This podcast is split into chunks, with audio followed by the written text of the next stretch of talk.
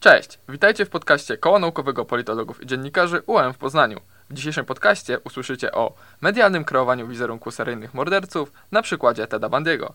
Przy mikrofonie Igor Rogalski, a moim gościem jest Karolina Przątka. Cześć, tutaj Karolina. Ukończyłam dziennikarstwo na Wydziale Nauk Politycznych i Dziennikarstwa, a teraz rozpoczęłam studia magisterskie na tym samym wydziale i kierunku. Dobrze, Karolina, przechodzimy do pierwszego pytania. Co Cię zainspirowało do napisania tej pracy? Jaka była motywacja? Przede wszystkim zależało mi na pisaniu o czymś, czym się interesuję. I nie mówię tutaj, że jestem jakąś wielką fanką seryjnych morderców, tylko po prostu interesuje mnie bardzo tematyka true crime i uznałam, że dlaczego miałabym pisać o czymś, co kompletnie nie leży w gestii moich zainteresowań. Postanowiłam właśnie, że połączę jakoś yy, i to moje zainteresowanie yy, seryjnymi mordercami i media. Dlatego właśnie w tytule mamy medialne kreowanie wizerunku seryjnych morderców, żeby jakoś tak to dziennikarstwo i też true crime połączyć w całość. Okej, okay, a jak miałabyś przekazać nam taką najważniejszą myśl ze swoich badań, to co by to było? Przede wszystkim to, że niektórzy ludzie troszkę za bardzo interesują się tymi seryjnymi mordercami, a nie do końca może zdają sobie sprawę z tego, co te osoby robiły Przede wszystkim zauważyłam, że ważne jest zwrócenie uwagi na to, co stało za działaniami, które ci seryjni mordercy popełnili.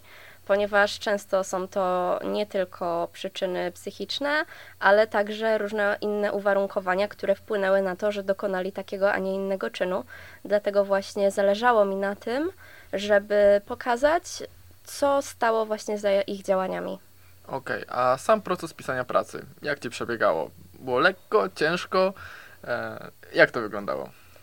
Ustaliłam sobie taki plan działania, mianowicie kiedy pisałam pierwszy rozdział, to uznałam, że zrobię sobie takie cykle. Można powiedzieć, że to był taki trochę trening myślowy, ponieważ pisałam przez 8 dni po 3 godziny dziennie, każdego dnia dwie strony żeby ostatecznie wyszło mi tak te 16 stron po minimum i jak coś szło lepiej, coś szło gorzej, trudno, zawsze musiałam dziennie napisać minimum te dwie strony.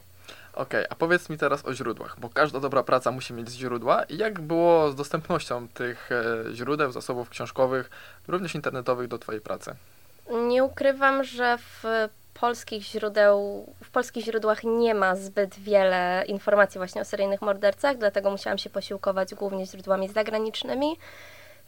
Sporo, sporo źródeł to były raporty FBI związane z różnymi e, mordercami i tak dalej. E, korzystałam także z książek, mm, na przykład, e, bo pisałam o Tedzie Bandim, więc korzystałam z książki pani, która pracowała z nim, była jego znajomą, jego przyjaciółką. E, pani nazywa się Anne Rule. I jej książka też dała mi wiele, wiele potrzebnych informacji, ponieważ e, pisze ona książki nie tylko o Bandim, ale także o innych mordercach, więc miała doświadczenie. Pytam od razu. A najciekawsza rzecz badań, którą udało Ci się tam zbadać? Ja przede wszystkim postawiłam na analizę jakościową, ilościową, a następnie porównawczą, ponieważ e, ba tematem badania y, była właśnie heroizacja postaci Teda Bandiego, dlatego porównywałam cztery produkcje fabularne oraz cztery produkcje dokumentalne, gdzie ta postać się pojawiała. I wnioski były dokładnie takie, jakie sobie założyłam, czyli że w filmach dokumentalnych pokazuje się jego taką prawdziwą naturę, natomiast w filmach fabularnych pojawia się taka romantyzacja jego postaci, heroizacja i w części z nich w ogóle nawet nie był dodany ten fragment, nazwijmy to morderczy, ponieważ e, był on tam ukazywany na przykład jako czuły ojciec, troskliwy partner i tak dalej, a nie była w ogóle poruszona ta jego przeszłość kryminalna. E, Okej, okay, a już tak zupełnie kończąc, e, taki wniosek ogólny z tej pracy. E, co Ci się udało zbadać tak finalnie i, i czy potwierdziła się właśnie ta hipoteza? Cóż, z pewnością mogę stwierdzić, że bazując na tych badaniach, badając też na przykład listy do seryjnych morderców, które kobiety, inni mężczyźni również w przeszłości wysyłali e, do zakładów karnych, mogę stwierdzić, że następo, następowała i może nadal troszkę jest e, taka heroizacja ich e, czynów. Czy to dobrze? Nie sądzę. Oczywiście jak najbardziej można się interesować tematyką true crime, tak jak ja, ale dobrze, jeżeli to pozostaje tylko w takich bezpiecznych ryzach, niekoniecznie e, wchodząc jakoś bardziej w tą tematykę, ponieważ no, nie są to osoby, które powinniśmy gloryfikować. Jak najbardziej można sprawdzać jakieś ich e, psychiczne predyspozycje do tego, czemu ta, stało się tak, a nie inaczej, no ale uważam, że nie powinno się zdecydowanie mm, heroizować tych postaci. Jasne, Karolino, a powiedz mi, czy było coś takiego w kulturze popularnej, jakaś książka, film, serial, który zainspirował Cię tutaj do tego tematu akurat?